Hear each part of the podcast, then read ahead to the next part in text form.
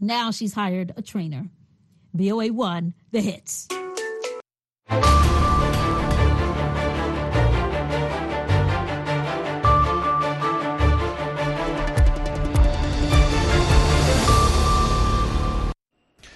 halkani waa washington laanta afka soomaaliga ee v o a oo aad ka dhagaysanaysaan mawjadaha gaagaaban efemyada geeska afrika iyo caalamka o dhan oo aad nagala socotaan v o a somaly com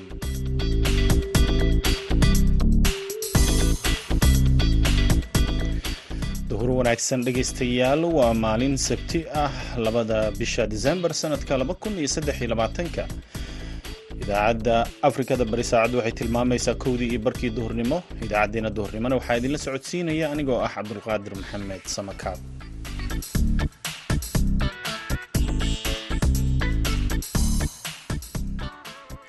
qodobada aad ku dhegaysan doontaan idaacaddeenna duhurnimo waxaa ka mid ah barnaamijkii madasha dhallinyarada oo aan ku soo qaadanayno xaaladda nololeed ee dhallinyarada xeryaha qaxootiga dhadhaab ee dalka kenya. Isboortiga iyo dhallinyarada halkan ku nool waqtiyadii ugu dambeeyay aad iyo aad buu horumar xagga dhaqaale xagga waxbarasho xagga isboorti xerada aad iyo aad buu horumar uga gaaray waana mid maaragtay maalin maalin ka dambeysa ku tallaabsanayo guule aada waaweyn kaalmihii heesaha iyo wararkii cayaaraha ayaad sidoo kale dhegaysan doontaan balse intaasoo dhan waxaa ka horreeya warkii dunida.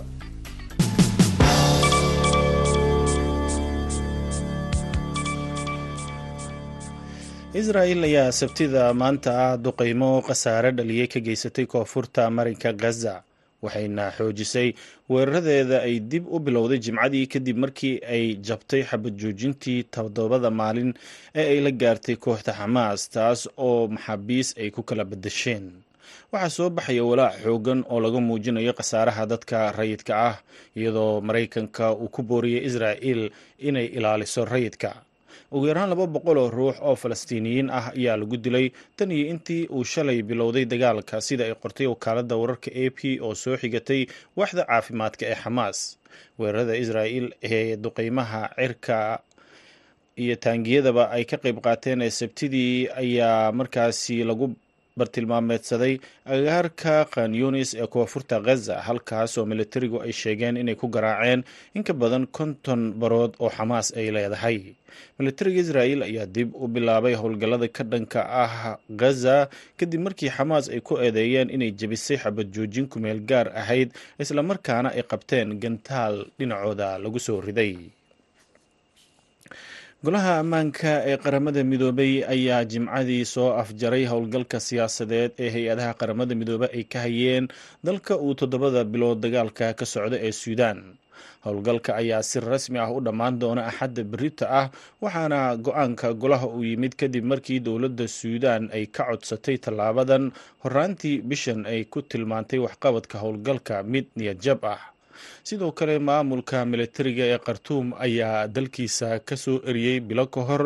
Ergeyga qaramada midoobe u qaabilsanaa suudaan kadib markii ay ku calaamadeeyeen qof aan dalkooda laga rabin oo howshiisina aysan ku qancin dagaalka suudaan ayaa shan iyo tobankii abriil dhex maray. Ciidamada suudaan iyo xogaga taageerada deg dega ah ee sida militariga u tababaran ee r s f kadib toddobaadyo ay sare u kacday xiisada u dhexeysa labada jenaraal ee ku salaysnayd. Qorshihii la doonayay in ciidamada la isku dhafo taas oo qeyb ka ahaa dadaalada looga gudbayo xukunka militariga looguna guurayay dimuquraadiyad iyo dowlad rayid ah xogayaha guud ee qaramada midoobey antonio guteres oo xaaladda suudaan shalay ka hadlay ayaa ku tilmaamay mid aan wanaagsanayn isagoo warfidiyeenka u sheegay in suudaan ay isku hayaan laba jenaraal oo gebi ahaanba iska indhatiraya danaha dadkooda. Dhegeystayaal warkeennii dunidana waa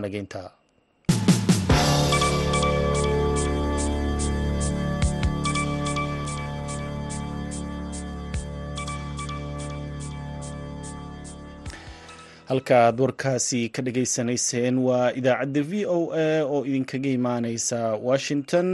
Duhur wanaagsan mar kale dhegeystayaal haddana waxaad ku soo dhawaataan barnaamijkii madasha dhalinyarada oo markaasi nooga imaanaya xeryaha qaxootiga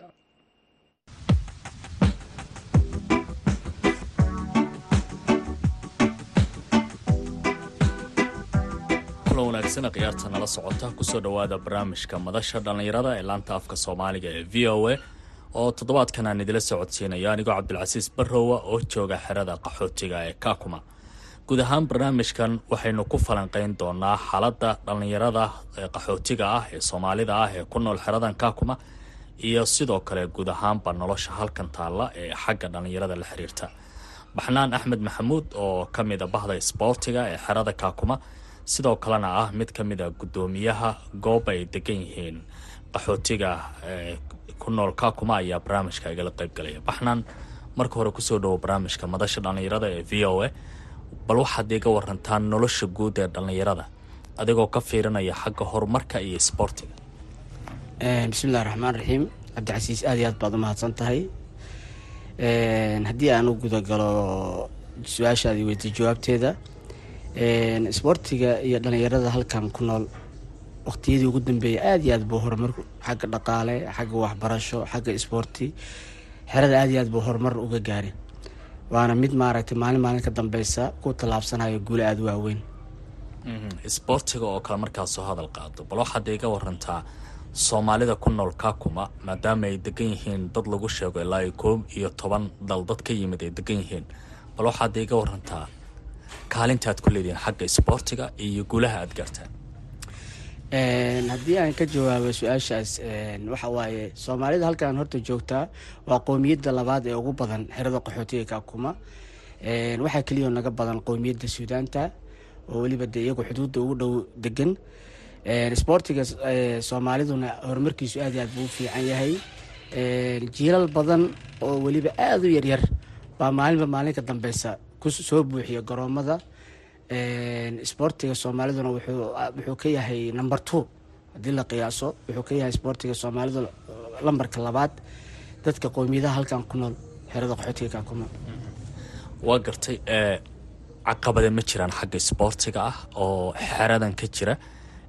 Waxyaabaha isboortigeena inta badan uu la xiriiro ma kubadda cagta amase waa waxyaabaha kale isboortiga ee ciyaaraha ku saabsan horta caqabado badan way jiraan oo xagga finansiga ama dhaqaalaha ah way jiraan sababtoo ah kooxaha ka dhisan kakuma badanaa iyagaa ismaalgeliya ma jiraan wax maalgelin oo banaanka uga yimaado ama ganacsato taageerta ama wax dibadda uga yimaado ma jiraan.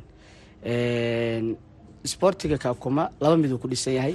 Dhalinyarada aadka u yaryar da-da ilaa shan iyo tobanka wixii ka hooseeya waxaa aada u caawisa dowladda hay'adda u n c h r. Laakiin wixii ka weyn oo iyagaa is caawiyaan. Kooxuhu xagga maaliyadda xagga funaanadaha xagga garoomada xagga shabaqa xagga bunooniga iyaga iyagu kuwa ay naftooda u maaragtay isku maalgeliyaan oo ay u gataan wey midda kaleete ee ah xagga ilaah dukuroo yahay dhinacan kaleete wax naga taakulaya. Ma jiraan. Ama dibada ahaato ama gudaha ahaato. Marka kooxuhu iyagunbaa naftooda isku maalgeliya.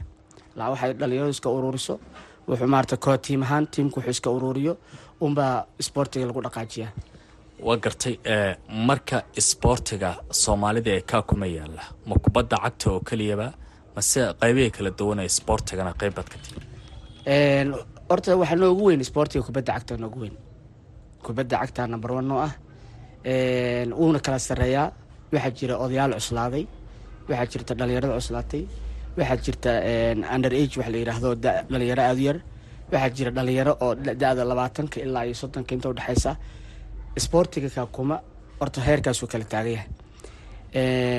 Laakiin way jiraan isboortiyo kaleeto oo kaakuma ka jira sida kubadda koleyga oo kale. Ooy soomaalidu ka qayb qaata way jirtaa. Waa gartay waxaad iiga warantay isboortiga inaad horumar fiican ka joogtaan.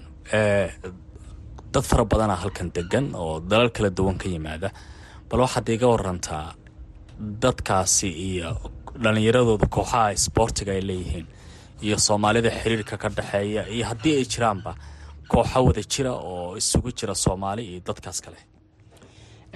Horta isboortiga kaakuma number waxaa ka ah dadka suudaanta number one ka ah qoomiyadda suudaanta number twona waa qoomiyadda koongaliiska ah number three soomaalidu kooxa iyaga u gaara oo ka qayb gala koobab ma jiraan oo koobabka la dhigo oo u n tu dhigto ka qayb gala. Laakiin waxaa jira dhalinyaro badan oo soomaaliya oo kamida kooxaha ka qayb gala kaababka ama liiga laga furo kaakuma laakiin koox ku magacaaban soomaali oo ka qayb karta ma jiro. Dhinaca kaleeto isdhexgalka qowmiyadahan halkan wada degan xagga isboortiga aad buu horumar uga yahay. Sababtoo ah soomaalidu waxay la ciyaartaa suudaanta suudaanta waxay la ciyaartaa soomaalida sidoo kale soomaalida koongiriiska la ciyaartaa sidoo kaleeto burundigaan la ciyaarnaa oo ama odayaal ahaan aan ugu tagno ama dhalinyar ahaan aan ugu tagno garoomadooda kuweynay soo booqdaan kuwoodaan tagnaa. Marka isdhexgalka oo xagga isboortiga aad iyo aad u wanaagsan yahay. Waxaad ii sheegtay in kooxa burundiis ah iyo south sudanis ay halkan ka jiraan. Koox soomaaliya oo si gaara u abaabulan oo liigaga la qabto ka qayb gashanaynaanay jirin. Sababtu maxay tahay? Sababta ugu weyn waxa waaye bulshada isboortiga dadka maaragtay maalgeliyaasha ah ama ganacsatadu xil weyn iskama saaraan isboortiga kaakuma dadku dhalinyaradu iyagun bas abaabusha. Iyo dad yar oo maaragtay iyaguna aada bah isboorti ah oo ilaa iyo dee soomaaliya ama ilaa iyo halkan bah isboorti ah oo iyagu dhalinyarada abaabula way yaryihiin marka awood badan ma jirto. Marka awood inta koox weyn lagu sameeyo oo soomaaliya oo koob ka qayb gasha xag dhaqaalo looma hayo. Isku keenideediina dad aada iskugu keeni kara ma jiraan. Laakiin haddii maalgelin la helo oo moraal la helo waa la hayaa dad koojaj macalimiin waa la hayaa dhalinyaro sport waa la hayaa bah sporti oo maaragtay ehel sporti ah dad waaweyn waa la hayaa laakiin xag dhaqaala aada iyo aada uga liidataa laakiin dhinaca kale marka la fiiriyo ganacsiga ugu badan ee kaa kuma yaalla soomaalida iskale qowmiyadaha kale inkastoo ganacsiyo ay jiraan haddana soomaalida uma dhigmaan. Miyaanay soomaalida ku baraarugsanayn muhiimadda isboortiga dhalinyar ahaan idiin leeyahay?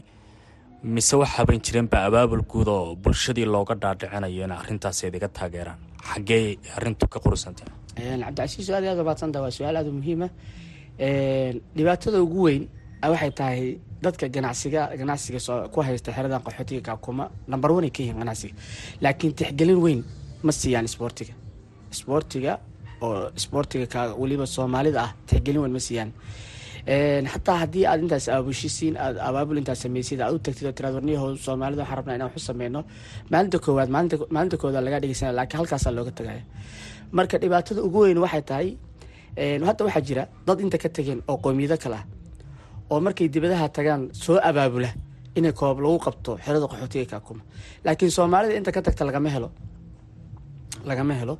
Waxaa jira niman kooxa ka tirsanaa oo kooxdii ay ka tegeen dhaqaalana u soo dira abaabul weyna u sameeya. Laakiin kuwii soomaalida markay halkan ka tagaan ilowshaa ku dhaca. Maba soo xasuustaan. Hal wiil oo dhalinyaro waxaa jira waa dhaweyd intaa koob qabanay koobkaas aad nooga taga kuley. Marka jiilkii dibadda aaday ee isboortiga ahaana soomaalida isboortiga ee kaakuma way iloobeen. Ganacsatada soomaalida ah ee joogta xeraduna tixgelin badan ma siiyaan isboortiga soomaalida. Ma jirtaa marka awood inaad u leedihiin haddii taakula inaad heshaan inaad guula ka gaari kartaan ciyaaraha iyo liigaga lagu qabanayo xerada cabdicasiiso aad aad aad iyo aad sababtoo ah waxaa jirtay waa soomaalidu ay halkaa number one ka ahayd oo koobabka la qabto ay kaalinta koowaad ku jiri jireen. Ilaa iyo la geyn jiray goboladan kenya la geyn jiray. Isboortiga kaakumana horumarkiisu aad aad u weynaa. Haddana waa la helayaa. Sababtoo ah raggii waagaa shaqeynayan wari rag badan baa ka jooga isboortiguna hadda horumar buu gaaray oo dhalinyaro yaryar oo waxaa la helayaa aad iyo aad khibrad banooniga u leh isboortiga kubadda cagta banooni u leh. Haddii ay helaan taakuleyn iyo garab istaag waxaan aaminsanahay shalay sidaan ahaan jirnay. Ka wanaagsan inaan maanta noqon doono. Kubadda cagta marka laga yimaado in dadku ay kubadda laadaan waxaa jira xeerar ay leedahay tababaro loo qaato. Sida goolkulaadka loo tuuro sida fooradoo kale loo tuuro shuruucdaasoo kale ma barataan mase waa banooni dabeecaddu idi bartay ood halkan ku dheeshaan. Mar haddii aad ka qayb galaysaan ciyaaro ay muhiim tahay in la ogaado arrinta. Horta midan oo shuruucda oo isboortiga ama kubadda cagtu ay leedahay dadku de waxaad u maleysaaba in maalintai ka soo bilaabaan banooniga reer buglaha la yiraahdo. Inayba sharciga hore u soo qaateen. Sababto a ninku markuu banooni yaraan ku soo bilaabo ilaa iyo dee weynaantiisa sharci kasta oo banooni leeyahay. Waa miduu daawado iyo miduu dheelayo iyo miduu sheeko ama buug ama akhriska u arko. Dadkan hadda aad iyo aad wax ugu fududeeyey waxawaaye daawashada ciyaaraha. Sharuulkii halkaas boqol boqol dadka bartaan. Dadkeena waaweyn waxaa jira siminaaro la qabto oo ama treenino la sameeyo oo la isku baro maaragtay coachnimada ama referinimada waxyaala nocaas kale la isku baro. Dhalinyaraduna dee aad iyo aad bay uga faa'iidaan. Marka isboortiga ruulkiisa waxaad u maleysaa boqol kiiba boqol dadku inay aad iyo aad u garanayaan ama weynaan ahaadaan ama yaraan ahaadaan waxaad iga warantaa mararka qaar isku dhacyaa dhici jiray. Meelaha dadka isugu yimaadaanoo luuqada haysana is aqoon iyo dhaqanadiina ay kala duwan yihiin. Isboortiga kaalin intee leegu xeradan uga qaataa. Dhallinyaradii guud ee kala duwanaa. Ee soomaali leh ee kongoliis leh ee south sudanis leh ee burundis leh oo ruwandis leh inaad isfahantaan. Isboortiga kaalin intee leegu ku leeyahay. Horta isboortigu qowmiyadaha halkan degan waa furaha koowaad isku haya. Sababtoo qowmiyadaha halkan degan indhahooda waa dhalinyarada dhalinyaraduna boqol kiiba boqol waxay isku fahmaan isboortiga. Shayga koowaad ee isdhexgalkooda sameeya ama aada iskugu soo dhaweeyaana waa kubadda cagta. Dhalinyaradu iyadoo kale luuqada leeyahay oo dani ilaahay ku rooya dadku halkan jooga boqol kiiba boqol waxbay bartaan.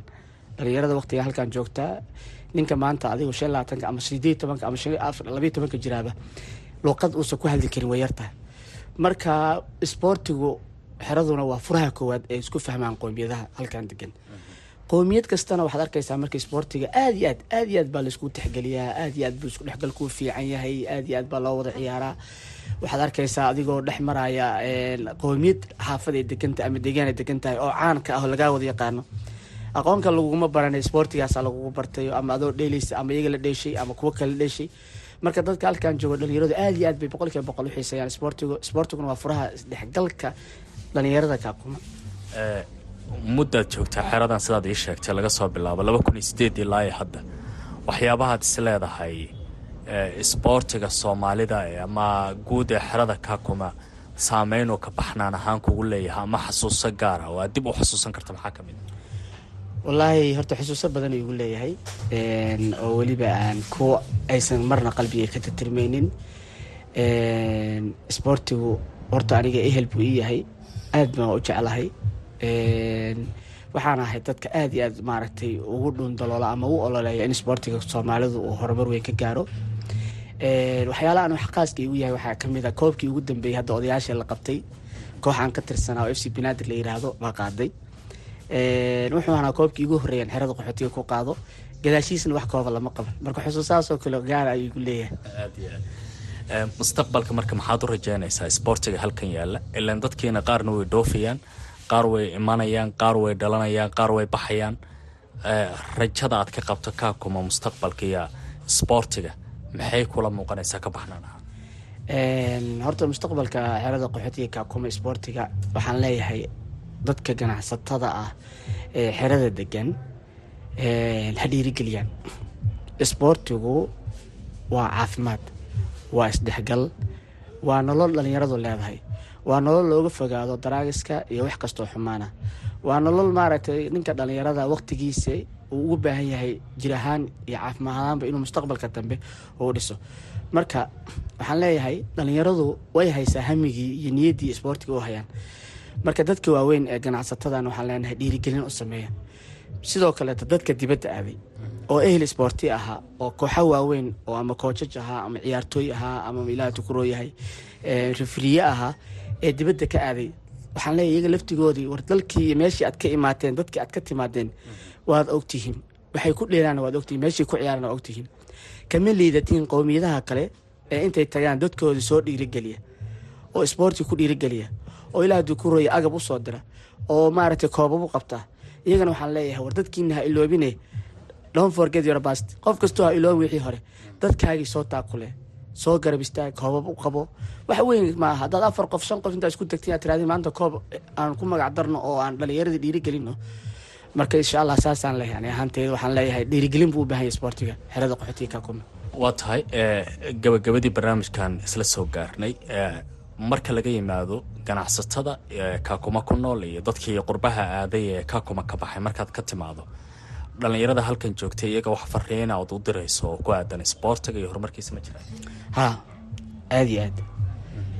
Fariintan u diraa waxay tahay soomaaliya waxaa naga soo eriyey oo aan annaga dhan ognahay waa kala qoqob iyo qabyaalad iyo bakti iyo maaragtay nacayb shayga koowaad ee furaha u bulshada iyo dhalinyaradan waa isboortiga waxaan dhihi lahaa haysta furihiinaas mustaqbalka isboortiga haysta. Sababtoo ah kooxaha soomaalida halkan wada jooga jacayl badan iyo muxubo badan iyo walaalnimo badan baa ka dhexeysa waxaan dhihi lahaa halkaa ku haya isdhexgalkiina dhalinyarnimadiina isboortigiina intaba sidii aad horumar uga gaari lahaydeen sameeya qalbigana isku wada fura si walaalnimoa ehelnimoa saaxiibtinimoa isboortinimo ah baan leeyahay ku sii wada jooga waxaan u rajeynaya isboortiga xerada qaxootiga kaakuma inuu insha allah noqdo mid mar kastaba wanaag iyo sharaf iyo karaamo leh. Aad ayaad umahadsan tahay baxnaan axmed maxamuud. Adaa mudan adaa mudan cabdicasiisow. Aad iyo aad baan kaaga mahadnaqaya jaaniskaas fiican ee isboortiga iyo xerada qaxootiga aada nagu siisay. Inaan ka hadalno fikradeenana aad iyo aad bay noo dhiirigelinaysaa. Codkeenana wuxuu gaarayaa dadka nala jooga iyo kuwa naga maqanba marka wixii dhaliila ee isboortigana waxaan leenahay dee kolley waanu sheegnay oo dhibkeena ka hadalnay. Marka idaacadda v o na aad baan uga mahadnaqaya adigoo walaalkay oo wareysanayna aad baan uga mahadnaqayaa. Codkeenana meel kastuu gaari doona insha allah aada umahadsan tahay. Khiyaarta nala socotaa. Intaas waxaa ku eg barnaamijkii madasha dhallinyarada ee laanta afka soomaaliga ee v o a oo sabti walba aad dhegaysataan anigoo cabdilcasiis barrow kaakuma jooga ayaa toddobaadkan idila socodsiinaya. Tan iyo kulanti dambe nabadgelyo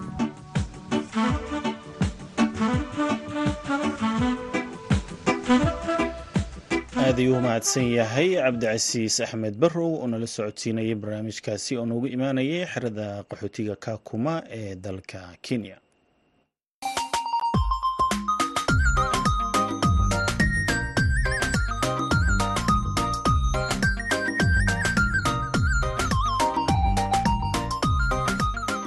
bandhiga v o a.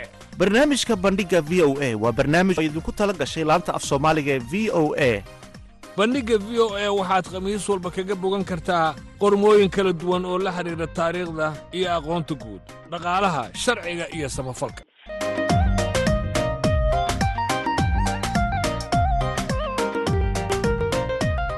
Haddii aad rabto inaad wax ka ogaato taariikhda dunida iyo aqoonta guud ha moogaan bandhigga v o a. Bandhiga v o e kala soco laanta af soomaaliga ee v o e maalin kasta oo khamiis ah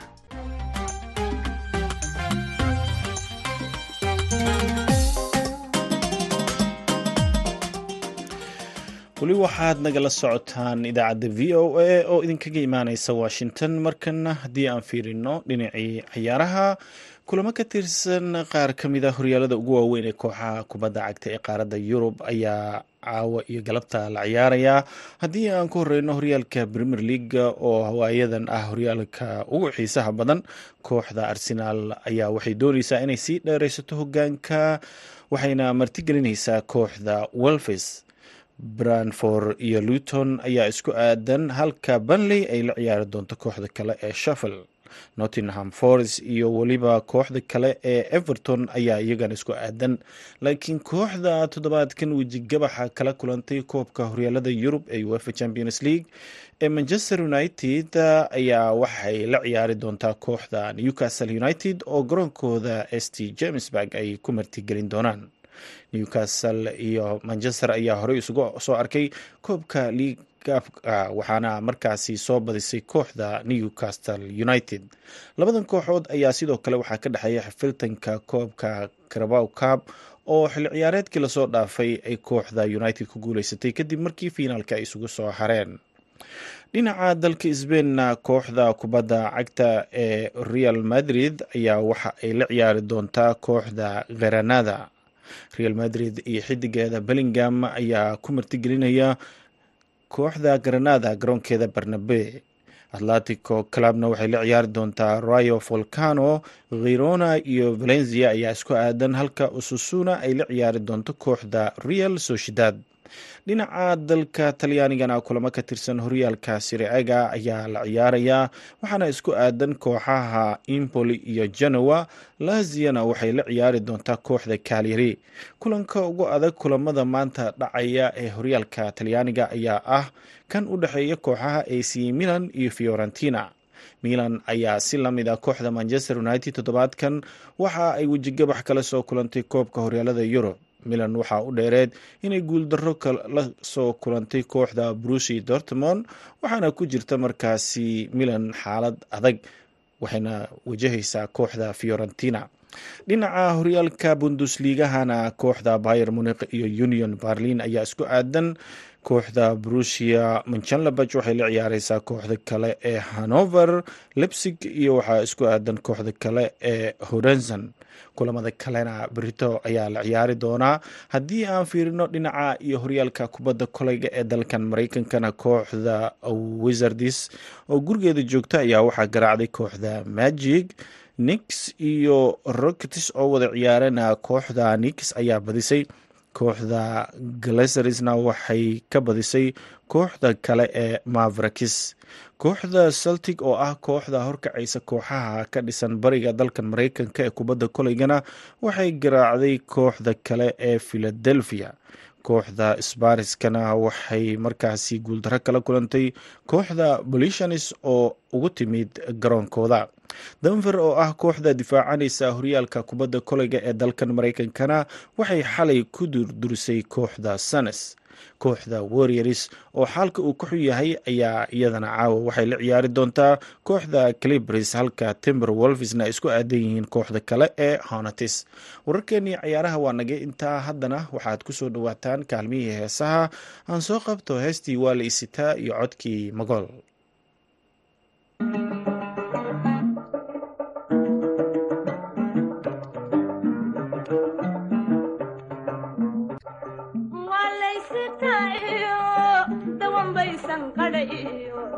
samadaa korkeediio sudhan ogaadaydo saymaan ku beegnahay waalaysitaiyo dawanbaysan qadhayiyo samadaa korkeediio sudhan ogaadaydo saymaan ku beegnahay saatiyaco dambay naftu igula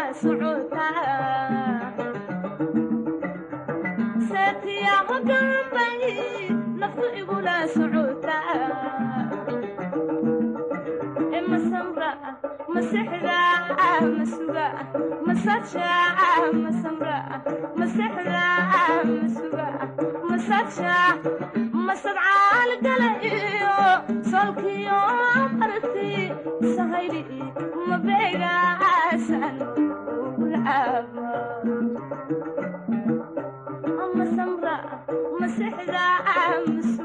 masuga masaja masamra masexda masuga masaja masadcaal gala iyo solkiyo marti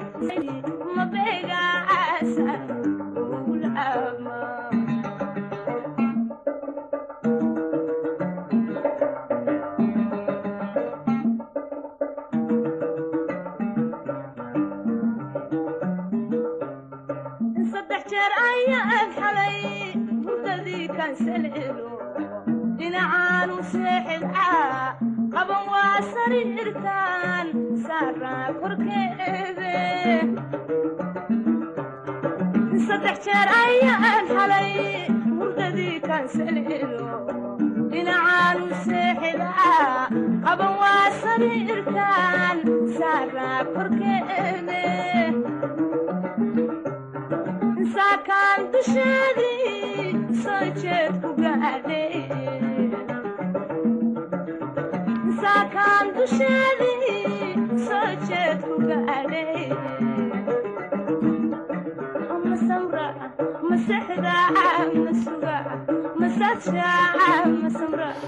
heestaasi waa la isitaa iyo codka magool ayaa u dambeeyey idaacaddeenni duhurnimo tan iyo idaacaddeenna galabnimo nabadgelyo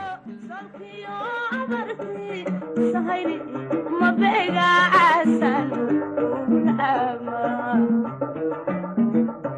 e masamra masexda masuga masaja masamra masexda masuga masaja masadcaal gala iyo solkiyo abarti mabeegaa